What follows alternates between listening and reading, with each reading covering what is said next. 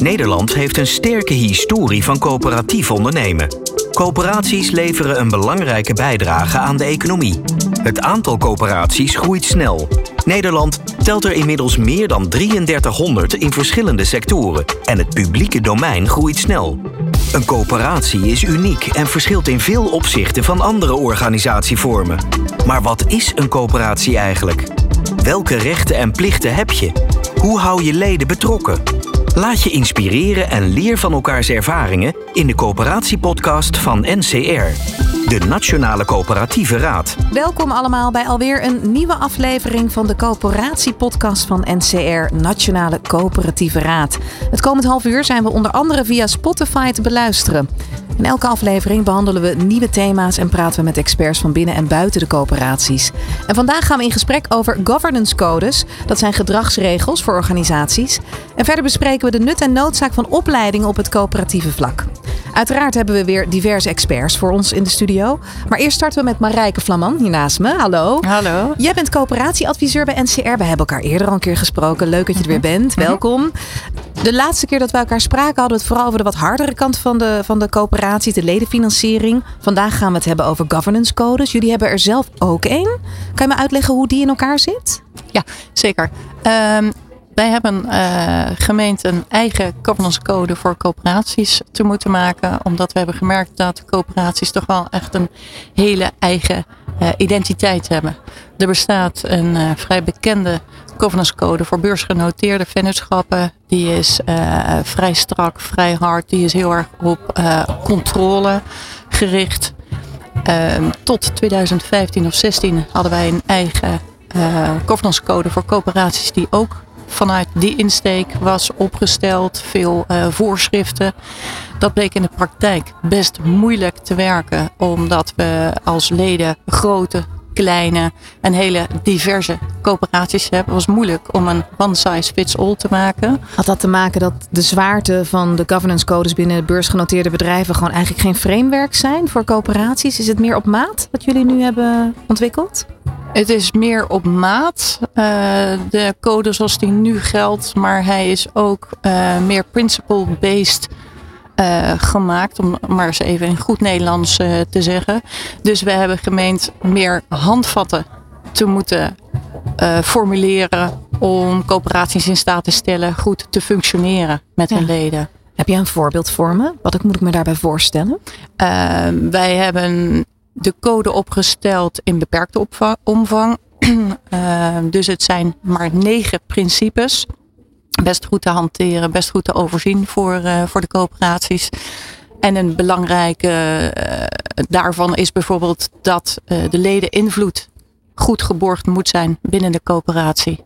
Ja, dat is natuurlijk uiteindelijk de essentie van het uh, coöperatieve ondernemen. Ja, dat raakt het hart van de coöperatie. Ja, zeker. Ja. En is het dan zo dat die governance code ook um, iets extra's toevoegt? Merk jij dat daar uh, behoefte, vanuit die behoefte die eraan is, dat het ook al meteen zijn werking heeft? Ja, hij kan op diverse manieren gebruikt worden. Dus het is zeker niet de bedoeling dat er één keer per jaar door een uh, secretaris of iemand vlak voordat de jaarrekening wordt vastgesteld, uh, nog eens even naar gekeken wordt, een paar vinkjes worden gezet en uh, er worden nog wat vragen intern gesteld en daar gaat hij weer. Dat, dat was hem dan, nee. Precies. dat, uh, dat, dat is soms de praktijk bij bepaalde codes, dus daar is hij zeker niet voor bedoeld, want dan zou die echt alleen maar belastend zijn. Nou, vanuit NCR zijn we niet op waarde om onze coöperaties uh, meer uh, last en zorgen te uh, geven. Hij is echt bedoeld en hij wordt ook gebruikt als tool, als handvat om met elkaar het gesprek te voeren. Dus op het moment dat, dat er een verdiepingsslag binnen de coöperatie moet plaatsvinden, op het moment dat bepaalde zaken niet helemaal lekker marcheren, wordt er al snel naar de code gegrepen en er wordt gezegd van nou laten we eens een bepaald principe boven water krijgen. En laten we daar met elkaar eens het gesprek over voeren. En dan heb je eigenlijk een soort kapstokje om dat coöperatieve ondernemen verder onder de loep te nemen. Ja. Dus wat jij zegt is dat je het eigenlijk moet verweven door je hele beleid heen. En eigenlijk niet alleen maar één keer per jaar op de agenda moet zetten. Exact dat, exact dat. En dan kun je hem gebruiken. Uh, bijvoorbeeld één principe zoals ik het net zei. Binnen de ledenraad. Gewoon een thematische avond. Of je kunt hem uh, binnen, binnen het bestuur gewoon eens uh, doornemen. En kijken waar haakt hij nou? Waar hebben we onze twijfels? Of ja. binnen, binnen een toezichthoudend orgaan. Hij is op veel manieren te gebruiken. Maar hoe komt het dan dat die, die gedragscode niet leeft? Want dat, dat is dus wat ik hoor, dat je toch wel hè, coöperaties vraagt om daar aandacht aan te schenken en meer frequentair. Ja. Hoe kan het dan dat dat nu niet gebeurt? Want dat is misschien een naïeve vraag, maar ik ben toch Mhm. nieuwsgierig. Hè? Gedragscodes zijn momenteel ook maatschappelijk heel erg van belang. Ja. Komt die vraag niet vanuit de coöperaties bij jullie dan? Want het is natuurlijk nu, nu zend je dit naar de coöperaties van Ja. jongens, let daar nou even Ja. op. Hè? Want het is niet iets wat je één keer per jaar bedenkt en dan Ja. hup, het is afgevinkt. Hoe, komt, hoe, komt het, eh, hoe, hoe, hoe zijn jullie van plan om dat te stimuleren nog meer dan dat jullie dat nu doen? Ja. Eh, ja, dat zijn inderdaad twee vragen. Hoe komt het dat het eh, minder leeft? Ja, wij zijn natuurlijk geen toezichthoudend orgaan. Het is geen wet, het is geen moetje. Het is niet zoals de code voor eh, beursgenoteerde ondernemer verankerd in de wet. Ja. Dus het ligt denk ik op het pad van de NCR om onze coöperaties duidelijk te maken dat het ze echt kan helpen. Ja. En dat is ook iets wat we echt als onze taak zien. En vandaar ook eh, dat we dit item voor de podcast ook echt hebben gekozen. Eh, we willen het meer onder de aandacht brengen en het, eh, het nut. En wellicht zelfs de noodzaak van de code benadrukken. Ja, dat Ja. snap ik. Ja, want die noodzaak, die, misschien zullen luisteraars dat ook wel herkennen. Dat op een bepaald moment zit je in een traject waarbij die gedragscode op tafel komt. En misschien ben je dan al te laat met inzichtelijk maken wat je ermee kan. Klopt Ja. dat? Ja, het, het, het zou kunnen. Ja, nogmaals, hij is principle-based. Dus ehm, ja, te laat. Ja, dat is natuurlijk altijd lastig. Omdat dan eh, de, de oorzaak daarvan bij het niet genoeg aandacht gegeven hebben aan een code. Om dat daar te moeten leggen. Maar het kan zeker bijdragen. Absoluut. Ja, ja. dat is ook situationeel natuurlijk. Ik heb nog een slotvraag. Want die code bij jullie is tot stand gekomen in samenwerking met de coöperaties. Klopt dat? Ja, klopt. Hoe hebben jullie dat aangepakt? Ja, vonden we heel belangrijk om dat niet zeg maar, vanuit een eh, ivoren toren te houten eh, eenzijdig eh, te formuleren. Wij hebben een goede afvaardiging gezocht en gevonden uit onze leden.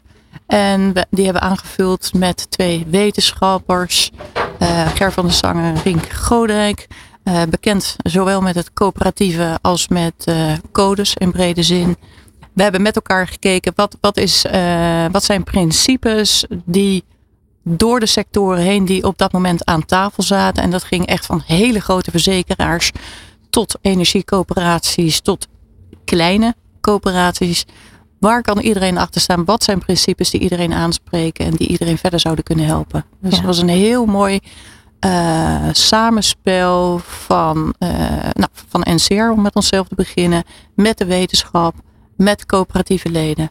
Ja, dat is wel Dat de mooi. verbinding die jullie altijd Ja. zoeken natuurlijk. Ja. Hartstikke goed. Dankjewel. Coöperatief Nederland luistert naar de Coöperatiepodcast. Alles over de toegevoegde waarde van coöperaties. We blijven nog even bij de governance codes. Eh, hier gaan we verder over praten met Rink Godijk. Je bent bijzonder hoogleraar governance aan de Vrije Universiteit van Amsterdam. Welkom. Dank u. Eh, wat houdt dat nou precies in? Hoogleraar governance. Ik heb al een hoop gehoord over governance zelf, maar wat doet een hoogleraar governance? Een hoogleraar governance heeft een, eh, een leerstoel aan een universiteit, in dit geval de VU in Amsterdam, Ja. gefocust op een onderwerp waar, eh, waar de hoogleraar zelf nauw in betrokken is, onderzoek in wil doen, verder onderzoek in wil doen, eh, studenten wil ondersteunen. En zich in dit geval concentreert op het thema public governance, zoals we dit noemen. Ja. Dus de ontwikkeling van bestuur en toezicht in het hele brede semi-publiek en publieke domein. Ja, precies. Nou, een mooi heldere uitleg. Ehm, kan je ons een beetje meenemen in de wereld van de codes? Want dat is natuurlijk waar het vaak eh, over gaat. Eh, hoe, ontstaan governance codes bijvoorbeeld? Ja, kijk, het bijzondere is wel dat codes zijn ontstaan omdat zich problemen voordeden in de governance. En eh, er zijn landen geweest die veel meer accent hebben gelegd op meer de wettelijke regels die nodig zijn om tot deugdelijke governance te komen. En in Nederland en de meeste Europese landen hebben we meer gekozen voor de codeontwikkeling. Om op basis van codes ook de ruimte te hebben om tot maatwerk te komen. Dus niet via regels iedereen dezelfde blauwdruk geven. Nee, maar echt wel een beetje op maat. eh, Echt op kunnen. maat diversiteit toelaten. Dus dat betekent ook, we noemen dat comply or explain. Dat je in principe aan die bepalingen ook houdt. Maar er kunnen redenen zijn om juist daarvan af te wijken. Het is denk ik het goede voor de diversiteit ook. Ja, ja nee, het, is, het is misschien voor sommigen hele eh, simpel begrijpelijke stof. Maar ik, ik ben heel vooral ook nieuwsgierig naar wat is nou eigenlijk het nut van die codes? Wat dient dit? Welke zaak dient het? Nou kijk, codes eh, geven een richtlijn van wat maatschappelijk gezien gaandeweg deugdelijk wordt gevonden. Dus je hebt er zeker houvast om te weten of in die richting moeten we de ontwikkeling zoeken. Dat wordt van ons gevraagd. Ja. En het geeft ook een mogelijkheid dat bestuur en toezicht met elkaar te raden gaan over hoe vullen wij het nou eigenlijk in? Hoe gebruiken wij maatwerk en zijn we daarop aanspreekbaar? Dus Ja. het is echt richtinggevend met ruimte ook voor eigen invulling. Maar er is dan ook. eh, is er een bepaalde noodzaak daarvoor? Want je bedenkt dit niet zomaar. Er moet ergens een noodzaak zijn waardoor codes ehm, oplossingen eh, nou ja, voortbrengen. Klopt Ja. dat? Kijk, het is veel maatschappelijke verontwaardiging geweest. Externe druk ook op organisaties in dat semi-publieke domein. Om echt die governance deugdelijker te maken. En dan kun je via wetgeving ingrijpen. En we zien hier en daar dat de Nederlandse overheid ook wel via wetgeving ingrijpt. Bijvoorbeeld als de salarissen te hoog zijn in het publieke domein. Dan Ja. wordt via een wetnormering topinkomens ingegrepen. Maar we hechten toch veel aan een codebepaling die ruimte geeft voor eigen invulling, maatwerk. Ja. Dus in die zin, eh, codes komen tot stand om, onder druk van eh, dat het maatschappelijk debat van je vraagt. Dat je toch tot deugdelijke governance komt. Deugdelijker dan in het verleden. Ja, precies. En, en is de behoefte bij coöperaties, is die ook bewust groter momenteel? Of is, is, het, is, het een, is er altijd behoefte aan, eh, aan een blik op governance? Ja, je zou kunnen zeggen, eh, de coöperatiecode, de coöperatieve sector doet mee in de beweging die gemaakt wordt. Ja. Dus die zoeken ook naar een invulling van een eigen code om ook invulling te geven aan die maatschappelijke opvatting het deugdelijk is. Maar Ja. de coöperatieve onderneming is wel een speciale onderneming. Dus hecht ook zelf waarde aan een omschrijving van principes die ook eh, tegemoetkomen aan wat de coöperatie belangrijk vindt. Zoals Ja. ledenbetrokkenheid of wederkerigheid of het coöperatieve ondernemen. Ja, Dus allemaal het is ook thema's. goed Ja. dat zo'n coöperatieve sector dan een eigen code heeft. Ja, het zijn allemaal thema's die in deze podcast veel voorbij komen, inderdaad. Ik vind het wel mooi dat je dat eh, even onderbouwt. Eh, Houden organisaties, zich er- organisaties zich er nou ook echt aan? Ja, kijk, codebepalingen eh, gaan enerzijds in, in hoe je het vormgeeft, maar anderzijds vooral ook op het gedrag en de cultuur die nodig is. En dat is iets wat je soms maar over een tijd kunt laten zien, omdat het in ontwikkeling is. Ja. En wat je niet morgen kunt afdwingen. Dus met andere woorden is ook ruimte nodig voor een ontwikkeling. Ja. En we zeggen wel eens, de codeontwikkeling is erg veranderd vergeleken met eh, tien jaar geleden. We leggen nu meer nadruk weer op principes. Met nog meer ruimte om zelf invulling te geven aan de eigen verantwoordelijkheid. In plaats van al die regels. Maar ook de dynamiek is veel meer aan de orde. Ja, dus, hoe het is bijna een soort groeimodel, hè, is het Ja. bijna. Ja. Maar ook hoe bestuur en toezicht zich in de dynamiek tot elkaar verhouden. En ik heb zelf veel onderzoek gedaan vanuit mijn leerstoel over wat we noemen de goede verhouding tussen bestuur en toezicht. Mhm. Dus een verhouding die meer is dan afvinken. En oplevert dat er toegevoegde waarde in het debat zichtbaar wordt. ja, en dat die zichtbaar wordt, maar ook inderdaad eh, voelbaar wordt dus.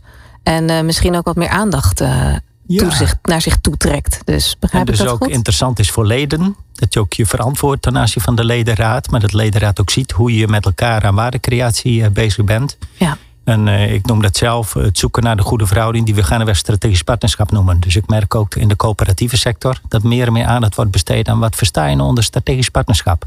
Ja. En dat heeft iets van samenspel en tegenspel. Hoe je in een goede dynamiek, zeg maar, dat doet wat goed is voor de coöperatieve onderneming. Ja, het, het is heel bewegelijk eigenlijk dus ook. En dat Ja. levert dus een hele hoop, eh, eh, nou ja, dat kan dus een hele krachtige positie ook eh, opleveren. Ja. En, en de ontwikkelingen de afgelopen jaren, ook internationaal gezien, ehm, heeft dat invloed ook hier? Zeker. En Dus is daar een meestal- voorbeeld van? Ook als ik een lezing over geef, benadruk ik altijd iets eh, zag je aankomen. De context is heel erg verklarend door dat wat er gebeurt. Ja. Dus dat betekent bijvoorbeeld dat we nu zitten in een periode dat we zeggen, nou te veel regels leiden niet meer tot deugdelijke governance. We hebben weer principes nodig en eigen invulling. Dus je vertrouwt het weer iets meer toe. Dat is een wending nu in de cultuur. Ja. Maar wij hechten ook veel waarde internationaal aan wat we noemen eh, een soort one and a half tier board.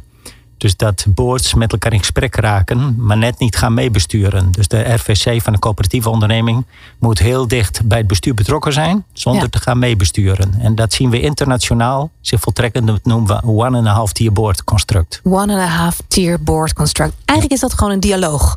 Ja, en de strategisch partnerschap. Met elkaar Ja. echt in debat zijn, zonder dat je elkaars rol treedt. Ja. Dus natuurlijk veel Dus dat is een beetje de trend. Hè? Dus Ja. dit is waar we momenteel internationaal, dus ook in Nederland, mee te maken hebben. Interessant. Ik had nog een laatste vraag. Ehm, een specifieke code voor coöperaties. Die ehm, is opgezet door de commissie NCR, coöperatiecode. Ehm jij was onderdeel van die commissie. Ja. Wat was je aandeel daarin? Nou, ik weet nog dat ik wel heel kritisch binnen de commissie heb gekeken naar of met name eh, als het gaat om de onafhankelijkheid van de Raad van Toezicht, van het toezichthoudend orgaan van een RVC, dat je dan enerzijds toch volop rekening moet houden met ledenbelangen, maar vervolgens het aan moet durven om ook andere belangen te overwegen. Dus dat is best een spannende vraag voor de coöperatieve onderneming. Ja, dat en ik ik heb hen geprobeerd toch wat scherp te maken op je moet iets doen aan het voldoende voldoen aan onafhankelijkheid. En toch begrijp ik die ledenbetrokkenheid. Maar betekent dat nou dat leden erin moeten zitten? Hoeveel dan? Dat zijn vragen die denk ik nog echt te bespreken waard zijn. Ja, het, het, het zet wel een vragenvuur open, denk ik inderdaad. Het is Ja. niet iets wat eh, van de een op de andere dag eh, ook eh, vorm krijgt. En is het dan ook zo dat die code wel voor elke coöperatie is bedoeld? Ja, in principe wel. Ja. Kijk, je hebt wel coöperatieve verbanden ook in de zorg, waar die ondernemingen in feite met meerdere codes te maken hebben. De zorgcode, coöperatieve code. En dan ook een keuze, een voorkeur kunnen indienen. Ja, Dus dan is niet per se de coöperatieve code die overheersend is. nee. Maar het geldt in principe voor alle coöperaties. En meestal is een code ook wel zo ruim met mogelijkheden van maatwerkinvulling dat eh, de code goed werkt voor eh, elk type coöperatie. Ja, precies. Dus de weg naar, die maatwer, maatwer, naar dat maatwerk is toch wel die code. Zeker. Nou, hartelijk dank eh, voor de heldere uitleg. Dank u wel. Samen staan ondernemers sterker. Ontdek de kracht van de coöperatie en luister naar alle afleveringen van de coöperatiepodcast van NCR. Bij het volgende onderwerp gaan we het hebben over opleiding op coöperatief vlak. Marijke, dat is een must, heb ik begrepen. Eh, zou je dat kunnen toelichten? Want dat klinkt heel belangrijk. Ja, ja, dat vinden we inderdaad enorm belangrijk. Ehm, je kunt je voorstellen dat een eh, ondernemer gevraagd wordt als lid van de coöperatie om plaats te nemen in een van de organen, ledenraad, bestuur, raad van commissarissen of raad van toezicht. Hij weet op dat moment als geen ander wat het ledenbelang is. Hij is zelf namelijk lid en ondernemer. Ehm, maar de functie eh, van hoe ben ik bestuurder, hoe moet ik toezicht houden, ja, dat is natuurlijk uiteindelijk ook wel een beetje een vak apart. Ja, dat is een andere rol ook mogelijk. eh. Ja, ja. ja. en om dat met elkaar, hè, dus met de andere bestuurders en toezichthouders, ledenraadsleden, optimaal te laten rollen, is het ontzettend van belang dat iedereen begrijpt wat hij in welk orgaan doet en in welke hoedanigheid hij zit, welke taken en bevoegdheden die heeft. Dus als je dat begrijpt en ehm, als je ook begrijpt hoe je met elkaar omgaat, hè, want dat is natuurlijk iets anders dan puur de governance. Hè, hoe praat je met elkaar? Hoe kom je tot een eh, gedegen besluitvorming met respect voor andermans mening? Dat zijn allemaal onderdelen van eh, opleidingen. Ja, dan ben je echt coöperatief aan het ondernemen. Dan ben je echt aan het samenwerken. Ja, dus dat is een stukje DNA natuurlijk dat in die coöperatie zit. En het maakt niet uit wat voor type coöperatie je bent natuurlijk. Zeker. Want, maar hoe is dat dan voor ervaren bestuurders? Want ik kan me voorstellen, ik heb daar zelf ook wel eens last van. eh, dat krijg je na 40 plus. Dat je denkt, goh, misschien moet ik me hier wat meer in gaan. eh, eh, moet ik dit eens even bestuderen? Ik moet toch een groeimindset hebben? Ik moet, ik moet wel even bijblijven. Ja. Wat, wat is in jouw ervaring? eh, wat, wat, steekt een ervaren bestuurder hier nou van op? Ja, dat hangt natuurlijk een beetje vanaf van wat voor soort opleiding hij of zij op dat moment eh, verkiest te doen. Wat we echt merken is dat coöperatief ondernemen echt een vak apart is. Je hebt echt een lastige rechtsvorm eh, waar je mee te maken hebt. Het is een prachtige rechtsvorm dat je het echt met elkaar doet. Maar ja, dat, dat met elkaar doen, dat brengt ook bepaalde uitdagingen met zich. Dus ervaren bestuurders of toez- toezichthouders die nog nooit in een coöperatie hebben geopereerd. Ja, die staan wel eventjes met hun ogen te knipperen. Ja, Ehm, snap ik, snap ik. Maar het is ook zo natuurlijk dat de tijden nogal eh, veranderen hè, op het gebied van eh, bestuurderschap. Ik, ik, ik kan me voorstellen dat als je in een coöperatie zit, dat het ook niet op- dagelijks op jouw agenda staat om even eh, rond te kijken en te denken, nou, hoe doen andere bestuurders dit? Ste- Besteden jullie daar dan ook aandacht Ja, aan? besteden we heel veel aandacht aan.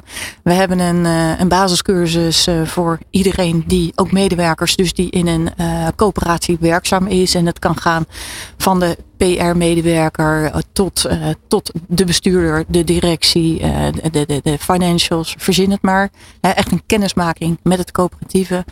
We hebben peergroups vanuit NCR, waarbij we ongeveer tien bestuurders door alle sectoren heen een paar dagen per jaar bij elkaar vragen en op een bepaald thema met elkaar doorspreken. Ehm, we hebben eh, andere thematische bijeenkomsten.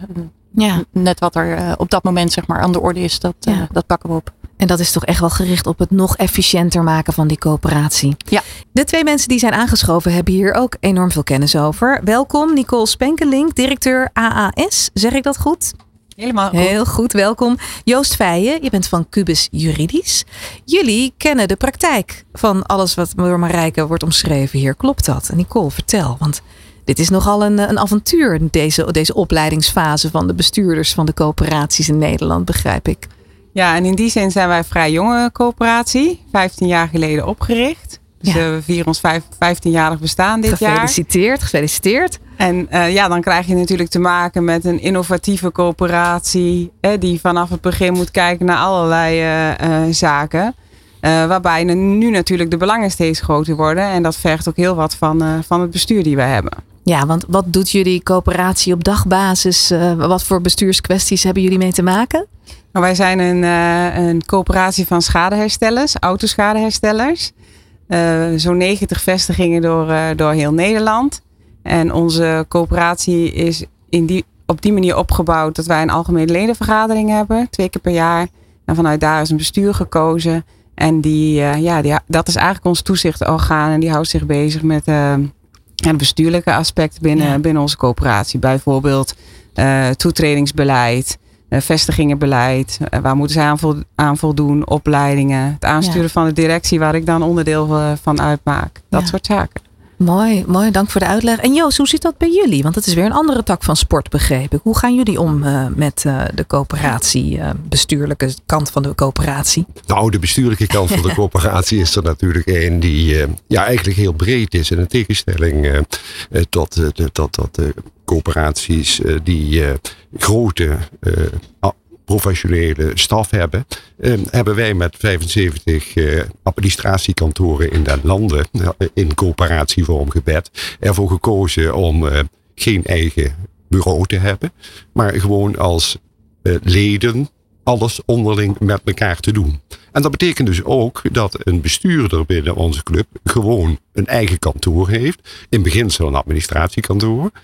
Er zijn een paar vreemde in de, eenden in de bijt, waaronder ik zelf. Oh, Eh, en ja. dat levert dan vervolgens op dat eh, dat een deeltaak is, waarbij gelet op de omvang van de organisatie ook bestuurders heel veel uitvoerend werk doen.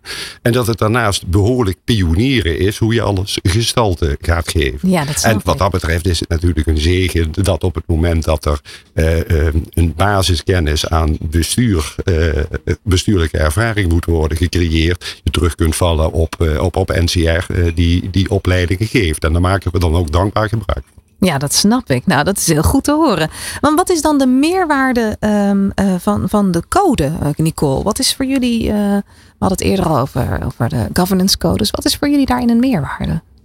Ja, het is eigenlijk een soort van kapstok. Waar wij inspiratie uithalen die ons richtlijnen geeft binnen ons collectief.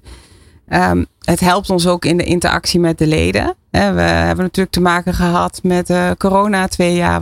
Wat, betekent dat, dat de ledenbetrokkenheid nu eigenlijk heel hoog weer op de agenda moet, eh, moet komen. We hebben elkaar gewoon weinig gezien de afgelopen twee jaar. En dat hebben we dan ook als centrale thema gemaakt eh, voor dit jaar. Ehm, ja, en, en wij zien het vooral nog als een code die we veelal intern gebruiken, hè, onderling om de ledenbetrokkenheid te verhogen. Maar de NCR kan ons ook zeker helpen om ook eens over coöperaties heen te kijken en te kijken van hoe doen, hoe doen, hè, hoe doen andere coöperaties dat, waar wij dan ook weer van kunnen leren. Ja, is dat, is dat bij jullie, Joost, ook zo dat dat, dat, dat spiegelen eh, van, van, van hoe anderen doen een rol speelt? Misschien omdat jullie een andere tak van sport hebben. Accountancy, dat, dat zit je toch al heel erg aan de blauwe kant. Hè? Dus dan vraag ik me af eh, hoe jullie dat, eh, hoe jullie dat zien. Nou, we kijken uiteraard. eh, je moet nooit het wiel eh, helemaal opnieuw gaan uitvinden. We kijken uiteraard om ons heen en we kijken op het moment dat weer eh, aan de orde is van zit onze eh, bestuurlijke organisatie nog op niveau. En op niveau ook qua structuur kijken we wat de collega's, leden van NCR, dus de coöperaties in de landen doen. Ja, en het En dat- aanbod van de opleidingen neem ik Ja, aan. Want dat ja, is natuurlijk precies. een addendum voor jullie Precies, ook. precies. Oké. En we hebben, we hebben ehm, op, op, op welk punt zou die opleiding, eh, Nicole, en die training dan kunnen bijdragen bij jullie momenteel? Is er een bepaald punt waarvan je zegt, nou dat is een touchpoint, daar zou ik wel nog wat meer mee eh, willen doen? Nou, ik denk wat Marijke vertelt dat het heel herkenbaar is. Onze, ons bestuur bestaat uit schadeondernemers. Die, die bezig zijn in de dagdagelijkse bezigheden van, eh, van, hun, van hun bedrijf, van hun autoschadebedrijf. En ehm, ja, het mooie is dat zij natuurlijk een, een grote rol hebben in, de bestuurlijk, in, de bestu- in het besturen van de coöperatie. Wij hebben in tegenstelling eh, tot Joost wel een kantoororganisatie die zich met de dagdagelijkse eh ja, eh, Beslommeringen bezig. ja. ja. ja, beslommeringen van de coöperatie. Ja, ja. bezighoudt. En eh, ja, eh, wij hebben wel, eh, wij maken al gebruik van de trainingen binnen de, de NCR. Dus En, als, en waar draagt die? Hebben jullie direct resultaat al daarvan gezien? Of is er al iemand die iets heeft gezegd over, nou, dit, dit draagt echt iets bij aan het coöperatieve hart en aan hoe ik daarbinnen functioneer? Is het zo concreet? ik denk dat de opleidingen een start, een start zijn. Hè? Dat, je daar een soort, dat, dat je daar een goede basiskennis krijgt. Dus zowel de basiscursus die Marijke noemt.